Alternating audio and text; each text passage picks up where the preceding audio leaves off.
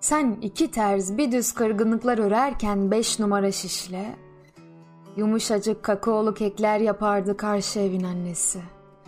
İmrenirdim. Mutfağındaki eksik malzemelerden bir haber. Tepeleme dolu kızgınlıklar yüklerdim dişlerimin arasına. Bilmezdim anne.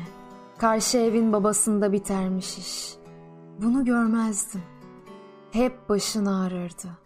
Başın hep ağrırdı. Sırf bu yüzden bazı zamanlar seni sevmezdim. Küçüktüm anne. Bilseydim evinde su faturası ödenmemiş, çeşmeden akmayan suya isyan etmezdim. Sen iki kere ikinin dört ettiğini ekmek hesabından bilirken, mis kokulu çamaşırlara sardı karşı evin annesi. Çocukça bir küskünlük eklerdim gecelerime. Oysa ellerin ruhuma akarmış saçlarımdan. Ömrümü tararmış titreyen parmakların. Bilmezdim anne.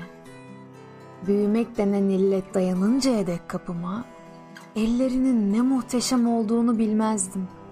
Küçüktüm anne. Yoksa gün ışırı patlayan sarı ampulü mumla yamayacak yüce gönlünü ezecek kadar ezilmezdim. Çok yeni anladım anne.